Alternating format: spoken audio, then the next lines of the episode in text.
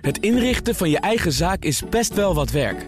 Daarom biedt IKEA voor Business Netwerk 50% korting op interieuradvies. Word gratis lid en laat je werkplek voor je werken. IKEA, een wereld aan ideeën. BNR Nieuwsradio. BNR Zaken doen. Thomas van Zeil. Dit is het eerste ondernemerspanel van 2020. Vandaag bespreken we hoe de overheid miljoenen blijft uittrekken voor verduurzaming. Gouden tijden voor ondernemers of zitten er ook addertjes onder het gras? En afspraken tussen ondernemers zouden een belangrijke oorzaak zijn voor het feit dat de lonen nog niet zo hard stijgen. Mijn gasten zijn Juri van Altera, eigenaar van Duurzaam Bedrijfsleven. Hans Mulder, directeur van de VIA Groep. En mijn zakenpartner is Joyce Knappen, oprichter en CEO. Staat er nu voor het eerst van uh, Pro Parents. Nou, mag ook een keertje welkom.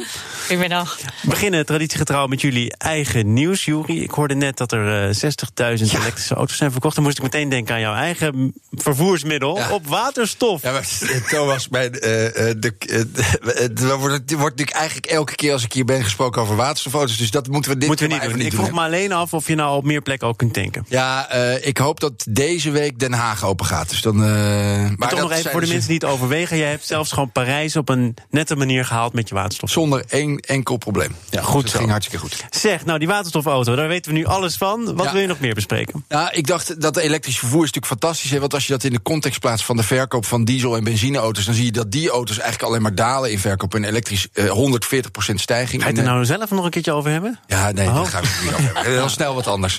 Nee, ik wou het eigenlijk even hebben. Mijn vrouw, eh, ik wou het even niet over duurzaamheid hebben. Mijn vrouw is officier van justitie.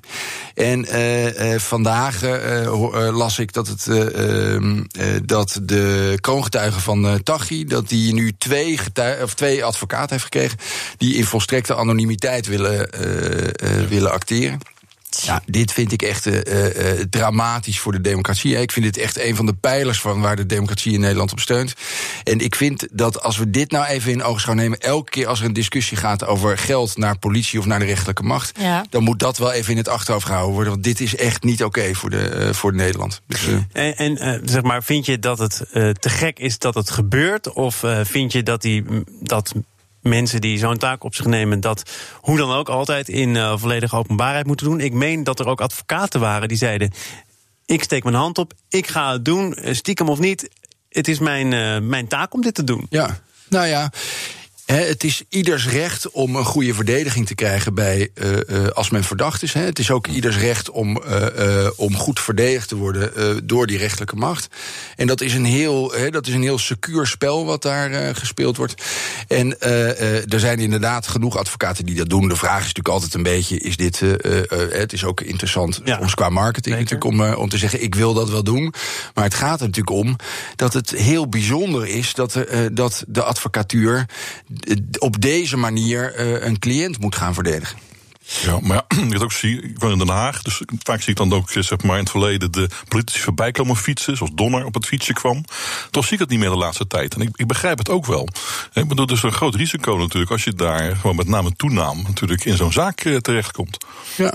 Eh, Dus persoonlijk zou ik het wel Maar moet je, begrijpen. daar, moet je daar dan dus voor wijken of moet je dat niet doen? Ja, ik denk dat eh, die mensen erg wijs zijn om te kiezen voor in ieder geval een stukje bescherming in dat eh, geval. Ja, ik denk dat het ook prima is. Hè. De wereld verandert. Hè. Laten we ook niet moeilijk doen. Er zijn allerlei ontwikkelingen die soms negatief, soms positief zijn. Ik denk alleen wel dat we ons echt moeten realiseren dat dit dus niet kan. Dus op het moment dat het over de, in de Tweede Kamer en in de Eerste Kamer gaat over geld wat naar deze eh, eh, instanties moet, dan moet daar nooit een, eh, eh, iets in de weg gelegd worden. Want het moet gewoon geregeld worden. Ja, ja dat is waar. Hans, de wereld verandert. Het jaartal is ook veranderd, 2020. Ja, mooi. Heel eh, dramatisch over doen. Nieuw decennium, we kunnen het allemaal anders gaan aanpakken. Zijn er ook bedrijven die dat van plan zijn? Nou ja, ik heb even gekeken naar mijn thema voor vandaag. En dat is de goede voornemens. En de goede voornemens die schijnen in 80% van de gevallen al voor 1 februari eh, te falen. Dus dat is dan interessant. Waarom? Lukt dat dan niet? Wij als mensen of bedrijven ook? Nou ja, ik denk dat mensen in bedrijven zitten en dus Ja. dat er een grote relaties Ja, zitten. ja, zeker, zeker, zeker. maar eh, er is toch wel de vraag: wat kun je dan toch doen? Hè? Wat kun je nou doen om toch eh, met dat goede voornemen dat jaar in te gaan en het vol te houden? Je hebt hier heel veel paparazzen meegenomen om het te heb- illustreren. Ik heb me allemaal uitgeleefd. Ik, eh, ik heb gezien dat er uh, iemand niet te veel voornemens hebben. Oh. Eh, Dus als je er drie hebt, dan heb je al heel wat. Ehm, en de eerste vond ik wel mooi als ondernemers zijnde. Je moet wat minder gaan werken als ondernemer. Nou, dat is toch geweldig, hè? Minder werken, meer tijd overhouden om om je heen te kijken. Eh, een, een tweede was ook wel een hele aardige. Eh, zorg ervoor dat je niet alleen maar investeert in je processen en in je systemen, maar ook in de cultuur. En dat dacht ik toevallig dat jij, Ben Joyce. Zeker, heel erg mee eens. Ja, vertel eens. Jij bent bedrijfsantropologe. Wat, wat betekent dat nou eigenlijk, die cultuur in zo'n bedrijf? Ja, wat het betekent nou... over, eh, Hans. Eh, wat het verschil is, is ja, bedrijven worden heel veel benaderd vanuit de cijferkant. Wat ook hartstikke goed is, want zonder geld geen organisatie. Er kunnen geen salarissen betaald worden en kunnen geen gezinnen in hun hypotheek betalen. Dus helemaal mee eens. Eh, en tegelijkertijd zie je dat er wordt wat meer de soft controls genoemd. Dat gedrag in organisaties, namelijk leiderschap. Hoe ga je om eh, met relaties, met verwachtingen? Eh, hoe ga je om met stress en emotieregulatie op de werkvloer?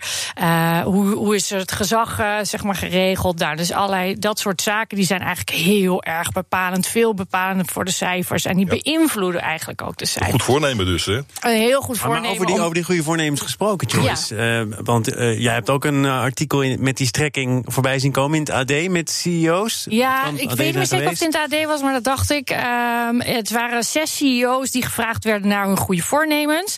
En een van de onderdelen die daar naar voren kwam is: ik wil. Ieder jaar beloof ik aan mijn gezin dat ik meer thuis zal blijven. En dan de komma daarachter. Ik kan niet zeker weten of dat dit jaar ook gaat lukken. Ja. Ja, ik word daar wel heel erg verdrietig van. Als we met z'n allen in alle grote organisaties, alle CEO's weten dat de drijfveer op de arbeidsmarkt onder jong talent is kwaliteit van leven. Dus een goede werk-privé-balans. En de toon at de top, hè, dus de komma erachter. Ik weet niet of dat gaat lukken. Wat voor boodschap geef je dan als CEO naar je kinderen? Een Wat voor boodschap. nou, ik denk niet dat dat reëel is. We hebben vergrijzing, we hebben arbeidsmarktkrapte. Dit is echt een vraagstuk waarin we zero tolerance zouden moeten hebben. Waarin we veel betere zelfzorg zouden moeten hebben. Veel realistischer met onszelf en met onze gezondheid om moeten gaan. Eh, want we hebben al enorme cijfers in burn-out. En in de top van het bedrijfsleven, als daar iedereen stijf staat van de stress, nooit thuis komt. Ja, daar word je gewoon geen gezonde CEO van. Heb je ook geen gezond bedrijf. Wil iedereen niet bij je Nee. werken. Nou, dus zie je. En er is natuurlijk een, eh, een war eh, voor talent, hè, die Absolutely. arbeidskrapte. Je ziet eh, dat nu ook een beetje terug in de stijging van de cao-lonen. Komen op het eh, volgende onderwerp met 2,5% gestegen. De grootste stijging in 10 jaar tijd. En toch zijn er ook mensen die zeggen, ja, dat valt allemaal nog relatief gezien wel mee. De inflatie is ook gestegen, uiteraard. Eh, een deel van die verklaringen wordt gezocht in het feit dat er afspraken zouden liggen tussen ondernemers. Die concurreren niet met elkaar. Die eh, zeggen, als jij niet bij mij vandaan haalt... dan hou ik jouw medewerkers ook gewoon niet meer in de gaten. Dan kunnen we allemaal blijven functioneren. Eh Jury, herken je dat ergens? Nee, ik herken dat niet zo erg. Wat ik wel. Nou, je, je, ik merk wel aan mezelf dat ik wel denk, ja, ik ga niet. Eh, eh, eh, keihard mensen wegkapen bij bepaalde bedrijven. Of, daar ben ik niet voor. Hans Ik ben- wel, zie ik. Ja, Hans zie ik heel erg glimlachen. Die wil straks het ei kwijt. Maar ik vind. Nee, dus ik voel, die, ik voel dat niet. Wat het wel is, wat ik wel merk, is dat. ik merk ook hè, die verandering in die, eh, eh, in, in die arbeidsethos. Eh, maar ik, wat ik wel merk, is dat aan de ene kant de salarissen natuurlijk st- eh, doorstijgen. Zeker voor hoogopgeleid personeel. Maar dat de vrijheidsgraden die men nodig heeft of nodig zegt te hebben. Ook steeds groter worden. Absoluut. Dus dan merk je eigenlijk dat er. eh, eh, dan is natuurlijk wel de vraag hoe effectief of efficiënt blijft men dan in eh, werken als men Wacht even, mensen willen en meer geld verdienen... en er ook toch wat meer vrije tijd bij. meer, Meer vrije flexibiliteit, tijd, meer ja. flexibiliteit, misschien meer, hè, eh, eh, wat meer vakantiedagen, wat meer, eh, eh, eh, ja, meer, meer rust en eh, eh, meer, meer overzicht soms. En dat is natuurlijk wel, ik vind dat wel een interessante, want daar op een gegeven moment raakt dat misschien een beetje in disbalans. Ik denk dat dat heel erg terecht punt is. Ik zag ook eh, op het nieuws voorbij komen dat de normaal eh, scoort heel hoog de lichamelijke eh, goede voornemens. Hè, dus meer sporten, minder gewicht, et cetera. En voor het eerst waren daar nu alle emotionele en mentale doelstellingen. Dus mensen zeggen: ik wil wat meer rust, ik wil wat meer thuis zijn, ik wil minder gestrest, minder gehaast, minder op mijn telefoon. Dus ik denk dat we langzaam ook wat duurzamer worden met elkaar. Toch nog even terug naar dat eh, punt waar jij zo bij moest glimlachen, Hans. hè. Ja. Eh, Bedrijven die eh, elkaars werknemers met rust laten. Ja, dat ken ik niet hoor. In de sector waar ik zit, de informatietechnologie sector, gebeuren allerlei rare dingen. Je haalt recruiters in huis die allerlei LinkedIn-profielen aanmaken. Een soort fake profielen. En allerlei mensen benaderen om te zeggen: kom bij ons werken. We hebben leuke klussen, leuke projecten. Je kan ook meer verdienen ook trouwens. Dus, mag ik heel even, wat doen die recruiters? Die maken fake profielen op LinkedIn om mensen te benaderen om te komen werken bij een bedrijf. Is Alsof ze een medewerker zijn. Bijvoorbeeld of Wat ze medewerkers zijn, of dat ze heel enthousiast zijn. Het is niet te geloven. Ja, dat moet je dus echt wel eh, in de gaten houden. Dus er is wat mij betreft wel degelijk een war on talent. Eh, maar de vraag is of je met dat soort recruiters nou in zee zou moeten gaan. Ja. dat vraag ik me Maar ook jij, af. la- maar jij laat ook niet per definitie eh, je concurrerende bedrijven of je, je collega's met rust in, in dat opzicht. Ja, andersom. Hè. Ik denk dat je moet laten zien dat je een leuk bedrijf bent. Dat, dat, is, dat is hetgene. En dat, dat straal je uit. En daar hebben mensen plezier in. En dan kiezen ze voor datgene wat hun de meeste voldoening geeft. Dus ik denk dat dat niet de kwestie is van weghalen. Ik Ja, denk- maar dat is wel heel positief. eh, Ja, ben ik ook nou, toch. Ja, dat snap ik.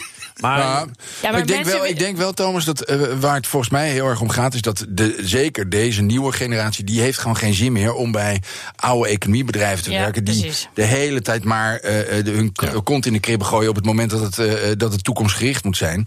En dat zie je wel heel duidelijk. En dan zie je ook wel dat die, dat die balans ook meer aanwezig is. Ja, dat ik denk, be- hoezo eh, medewerkers wegkapen. Ik bedoel, medewerkers zitten op de wip of ze zitten niet op de wip. Hè. Dus ze snappen waarom ze bij jou willen werken. Ze snappen wat de missie is van het bedrijf.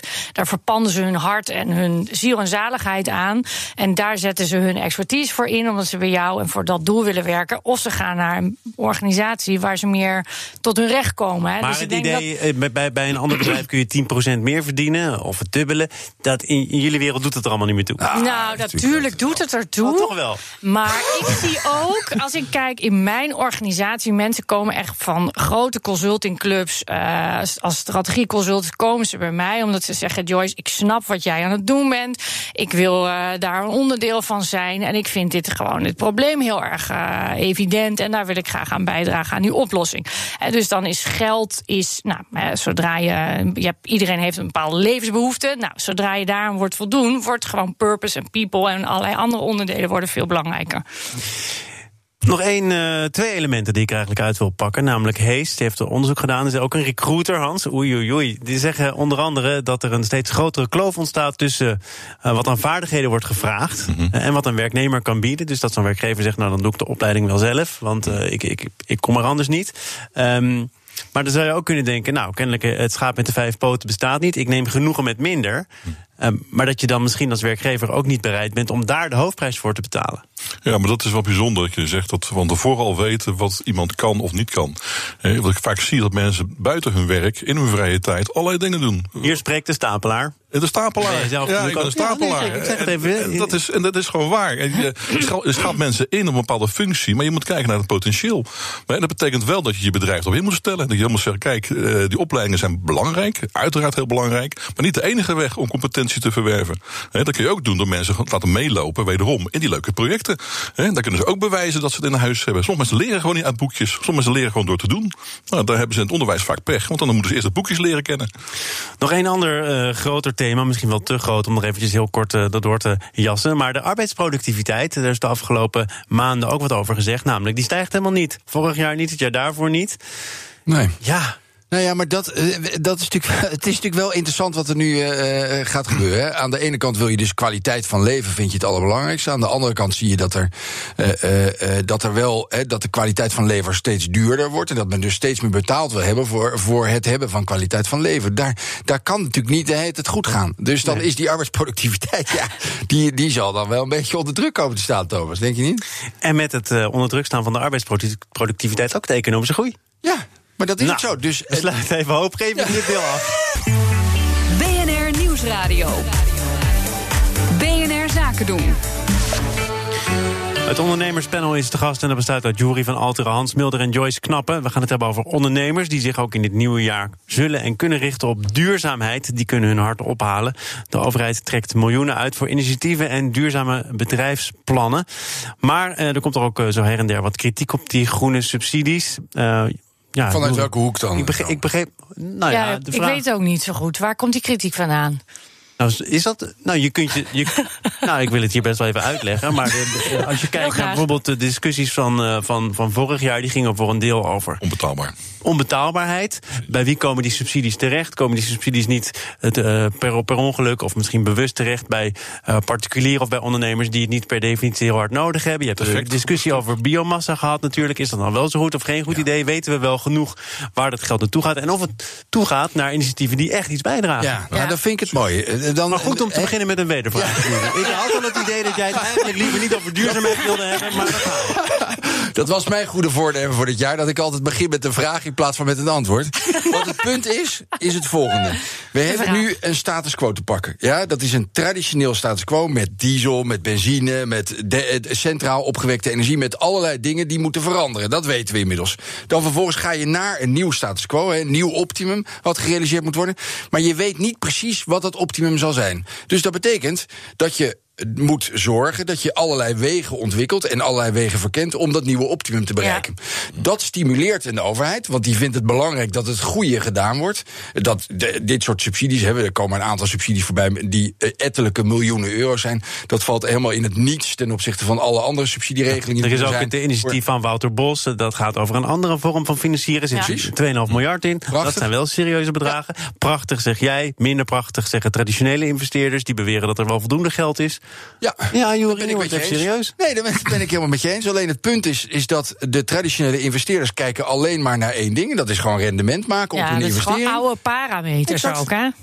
En het, eh, waar het nu, waar het nu Hans, ik moet het even van jou hebben, geloof ik. Ja, nou ja, waar ik nog over verwonder is het feit dat wij heel trots zijn dat de eerste gemeente in Nederland van het gas afgaat. Terwijl er allerlei gasleidingen komen vanuit Rusland over de Oostzee, vanuit Israël. Dat ik denk, wat is hier aan de hand? Hè, dus feitelijk is het waar. Hè, er wordt veel geïnvesteerd in duurzaamheid. Hè, zoals dus in dat kleine plaatsje in Friesland. Aan de andere kant zie ik tegenstelde bewegingen ontstaan. Waardoor ik denk, wat is het nut van deze actie? Hè, in het grotere geweld.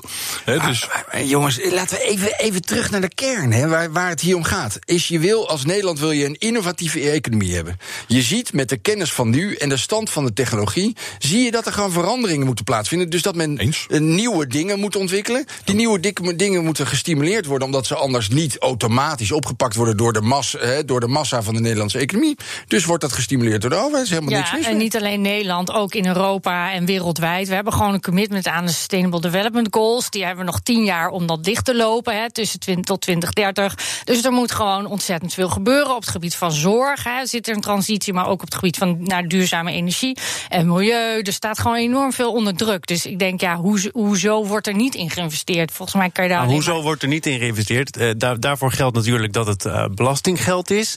En dat je moet afvragen. Maar ik snap tegelijkertijd ook wel dat de overheid een aparte rol heeft. Maar dat je daar dus mee kunt gokken om het negatief te formuleren. We stoppen ook geld in initiatieven Ja. die niks opleveren. Of we stoppen ook geld in biomassa waarvan we kunnen afvragen, afhankelijk aan wie het vraagt. Wat levert het nou per se op?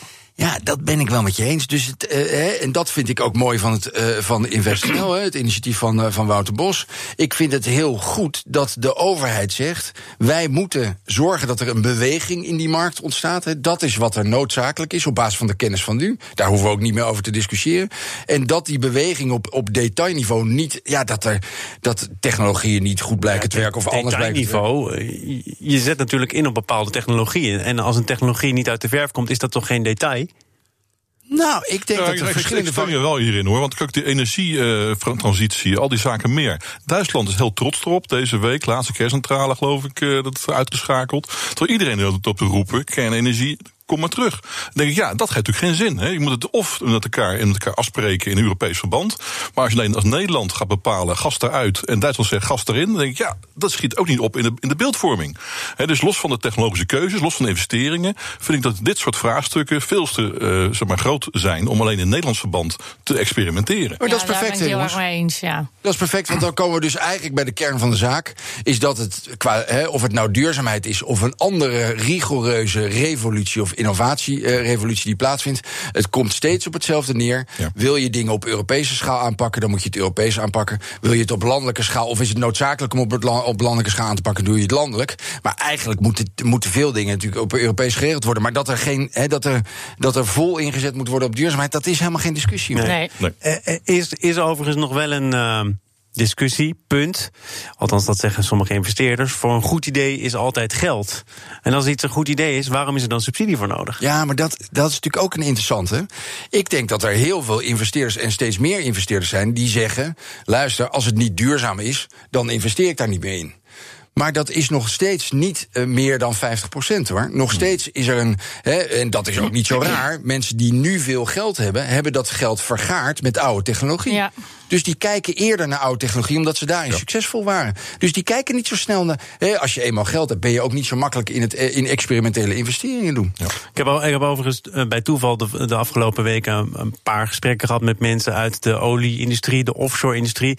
En die wezen mij er wel fijntjes op dat ook de komende jaren het aandeel gas en olie alleen nog maar zal toenemen. Ja. Je zou dat bijna vergeten natuurlijk in het maatschappelijk debat. Ja, ik denk als we op deze manier doorgaan, zal dat zeker blijven, door blijven gaan. Hè? Maar ik heb, uh, ik heb daar uh, eergisteren nog een mooie discussie over gevoerd. Als Beter ik, dan deze? Ja. Oh. Thomas, als ik mijnbouw heb gestudeerd, hè, als ik mijnbouw heb gestudeerd en, het, en ik ben opgeleid voor het feit dat ik analyseer of er gas of olie uit velden kan komen, dan ga ik natuurlijk niet zo makkelijk windmolens bouwen of zonnecollectoren produceren. Dan ben ik bezig met hoe kan ik ervoor zorgen dat ik, dat ik met de kennis van grond zoveel mogelijk uit die grond haal. Dan begrijp ik wel dat ze zeggen: Goh, het is ook nog eens mijn salaris en het is ook nog iets wat ik heel goed kan, dus ik ga daarop inzetten. Ja ik begrijp het ook. Toen ik met ze in gesprek was, begreep ik het ook. Je, nee, maar je, je behartigt natuurlijk je eigen belangen. Hmm. Maar bij uh, economische groei, uh, ontwikkelingen uit Azië of Afrika, hoort natuurlijk uh, nog in hun tijdspad. Dat gaan we voor een deel doen door olie, Tuurlijk. door gas. En dat is ook geen probleem. En ik denk in Azië zie je die ommekeer eigenlijk sneller dan hier in Europa. Maar ik denk dat ook daar weer ligt de kern van de zaak bij het feit: wat is de primaire. Ik ben liberaal. Hè? Wat is de primaire rol van de overheid? De rol van de overheid is daar waar de burger of de onderneming het zelf niet kan regelen, ja. moet de overheid stimuleren of, of inspringen. En dit is een van die dingen om te zorgen dat die markt op gang komt. Ja. Het vliegwiel moet aan eigenlijk. Het dat moet, is wat, aan. Ja, moet veel sneller dan wat we nu aan het doen zijn. Ja, absoluut. Uh, Oké, okay. als, je, als je dat vindt, uh, begrijp ik ook voor een deel, en er zullen heel veel mensen het met je eens zijn. Hoe kijk je dan naar de Green Deal? Waarvan, waarvan werd gezegd, we moeten nu een daad tellen hè, en het tempo moet erin komen. En hoe we het precies gaan vormgeven, dat zien we dan wel? Ja. Nou, ik heb, kijk, ik, ik heb allerlei uh, op- en aanmerkingen over de Green Deal. Maar ik vind wel als je zegt, jongens, in 2030 moet dit het resultaat zijn, dan is dat het punt op de horizon die je zet. En dan kan het best zo zijn dat, we, dat de weg daar naartoe nog niet exact bepaald is. Maar dat is gewoon innovatie. Nou, dat is toekomstgericht ja, punt van hand. Want Europa is natuurlijk heel divers en daar mogen we blij mee zijn. Maar bijvoorbeeld Polen heeft al gezegd: ja, dames en heren, in dit tempo gaan wij het niet redden. Wij moeten van een heel ander punt beginnen. Dus we zijn ook niet op, op in 2030 zijn we daar nog niet. Wordt er toch een uitzonderingspositie gecreëerd. Ja, klopt. Steenkolen. Ja. ja. en andere landen zullen wat sneller moeten bewegen. Maar het is hetzelfde, het is mooi hè. Het is hetzelfde met een traditionele busmaatschappij. Ja?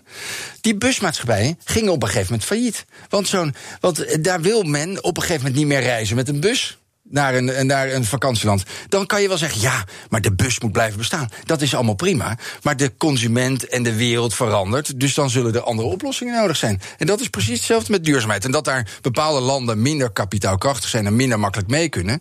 Ja, dat spreekt voor Mijn hoop is eigenlijk dat die uh, duurzaamheid tot leidt tot zuinigheid. Waardoor het goedkoper wordt om duurzaam te zijn.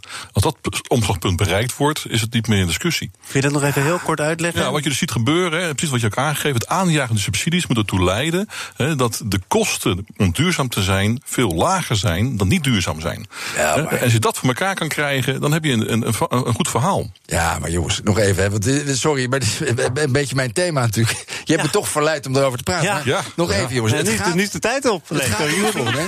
Nu is er een nieuwe, uh, een nieuwe auto. Hè, en die heeft op één uh, batterijpack gaat die zo meteen 1400 kilometer rijden. Dan rij je voor vijf, over anderhalf jaar rij je voor 25 euro naar Portugal. Ja?